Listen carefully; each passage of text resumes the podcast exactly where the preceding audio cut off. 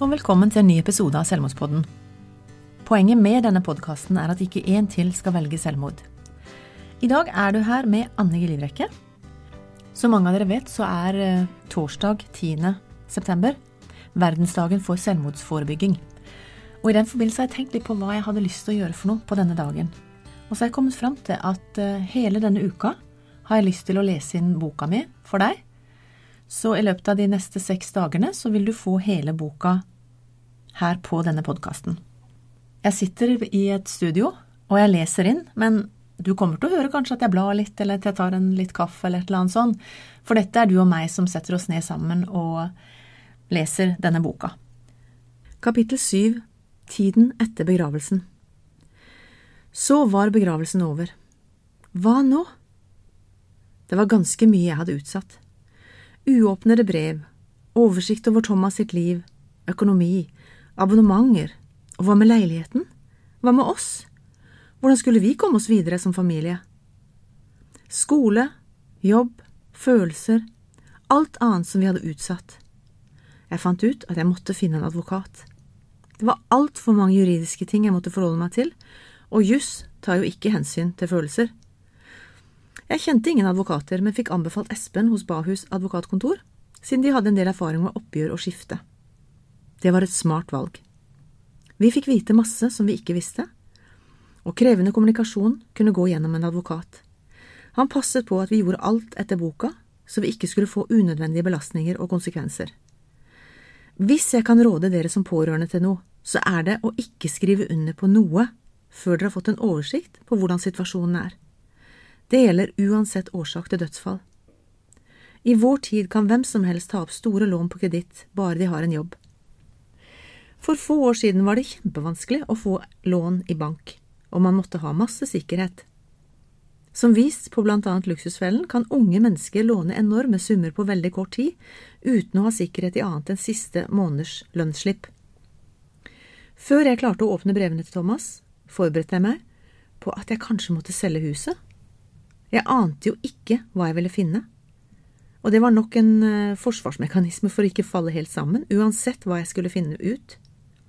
Jeg bestemte meg tidlig for at ingenting skulle knekke oss som familie. Det er veldig mye man kan klare seg uten, og for min del er huset definitivt en av dem. Jeg har lest at sorg og etterarbeid etter selvmord er en fulltidsjobb med overtid. Siden jeg driver mitt eget selskap og ikke kunne jobbe på lenge, skjønte jeg fort at mye sto på spill her. Jeg hadde som nevnt ingen oversikt over hva vi kom til å finne ut i etterkant av dødsfallet, og visste at jeg som mor hadde et hovedansvar for at familien kom seg gjennom de første månedene. Heldigvis har jeg lang erfaring med å ta én dag av gangen, og at bekymring er bortkastet, så da ser jeg etter muligheter istedenfor problemer hver dag, og det virker. Jeg har også en sterk opplevelse av at Gud passer på meg og familien, og er oppriktig interessert i at vi skal ha det godt. Ja, jeg tror det ennå, selv etter det som har hendt. Jeg har skrytt mye av vennene til Thomas, og de stilte også opp i flytteprosessen. Vi måtte alltid ha vitner med i leiligheten, og vi var livredd for å gjøre noe galt, som kunne bli vanskelig senere. Alt måtte tas bilder av og dokumenteres, og advokaten hjalp oss med å gjøre dette riktig for faren hans og kreditorer. Thomas og Mick leide en leilighet, og det var ikke aktuelt for Mick å fortsette å bo der alene, så det ble noen turer fram og tilbake til Oslo for å rydde opp. Vi kunne ikke være alene i leiligheten, så vi hadde alltid noen av hans venner der når vi kom. Thomas var ikke veldig opptatt av ting, og det ble etter hvert bestemt at vi kunne overta tingene hans. Både Mick og Kenneth stilte opp, og siden vi ikke hadde bil, så kjørte Kenneth tingene hans hjem til et lager på Sørlandet. Der ventet vi på at faren til Thomas skulle velge det han ønsket.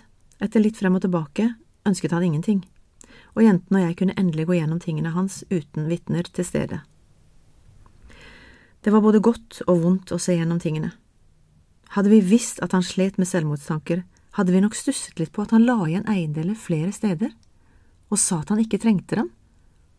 I stedet tenkte nok de fleste at han var litt glemsom og ikke fikk med seg alt hjem fra besøk hos venner. Vi er fremdeles midt oppi det, men jeg begynner å se en ende på rydding og sortering og formelle ting.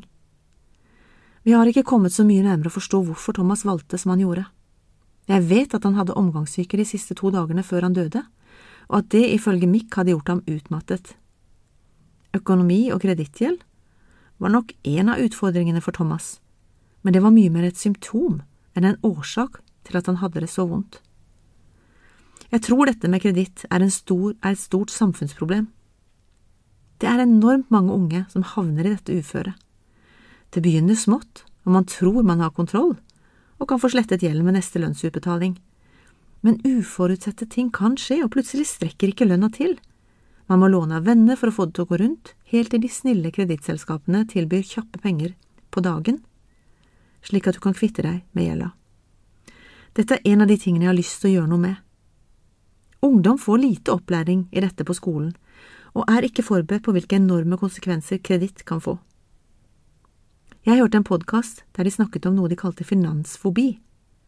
De beskrev en hverdag der man gjemmer unna regninger fra kredittselskap og forsøker å fortrenge at de fins, for å kunne leve normalt videre. Mangel på oversikt og økonomistyring har ført til at dette er blitt et kjempestort problem.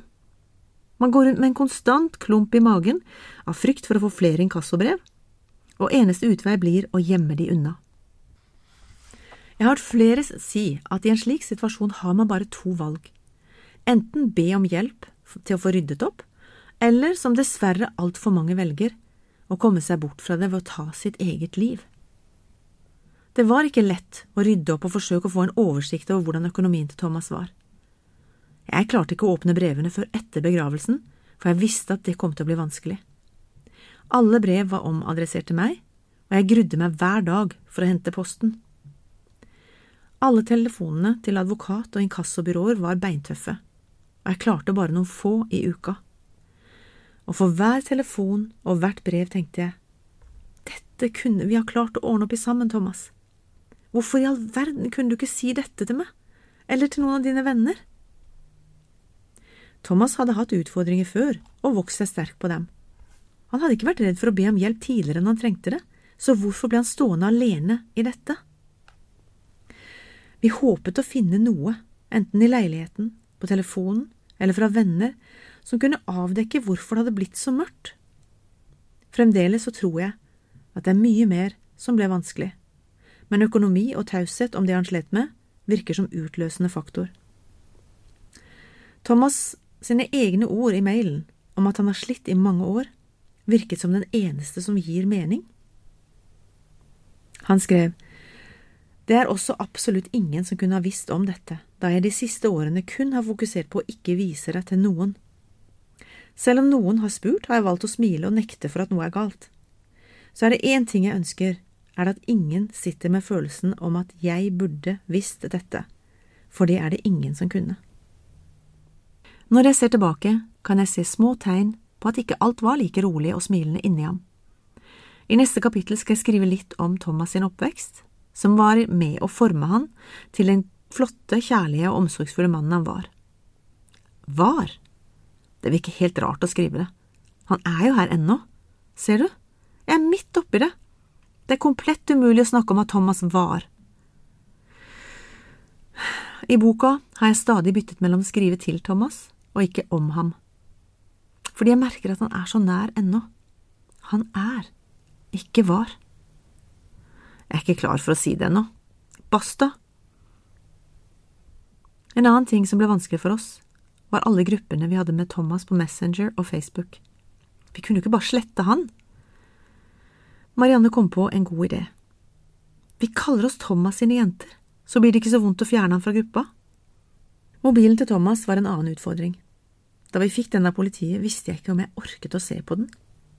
Hva ville jeg finne der? Hva hadde han søkt på rett før han døde? Ville vi få enda flere sjokkbeskjeder ved å se på den? Jeg følte også at det var hans mobil og hans privatliv, og så skulle jeg som mor se i den. Heldigvis tilbød Mick seg å gå gjennom den og fjerne alt han trodde Thomas ikke ville vi skulle se. Jeg har aldri spurt hva han fant, og ikke kommer jeg til å gjøre det heller. Hadde det vært viktig for å forstå hvorfor Thomas valgte selvmord, eller forklaring på hva han slet med, så ville Mick ha sagt det. Det var veldig godt å kunne se på alle de morsomme videoene han hadde laget med mobilen, men ingenting fikk oss nærmere svaret på hva som virkelig utløste dette grusomme valget. Helt til slutt har jeg lyst til å fortelle hvor du kan få hjelp. Kirkens SOS er en døgnåpen krisetelefon Det samme er Mental Helse. Leve, Landsforeningen for etterlatte ved selvmord. Legevakten 116 117. Kors på halsen, Røde Kors sitt tilbud. Det er en samtaletelefon for barn og unge under 18 år. Og så er det tilbudet som heter Snakk litt, mellom Helsesista, Kirkens SOS og Nyby. Helt til slutt har jeg bare lyst til å takke deg for at du har vært med på denne episoden, og ønsker deg alt godt videre.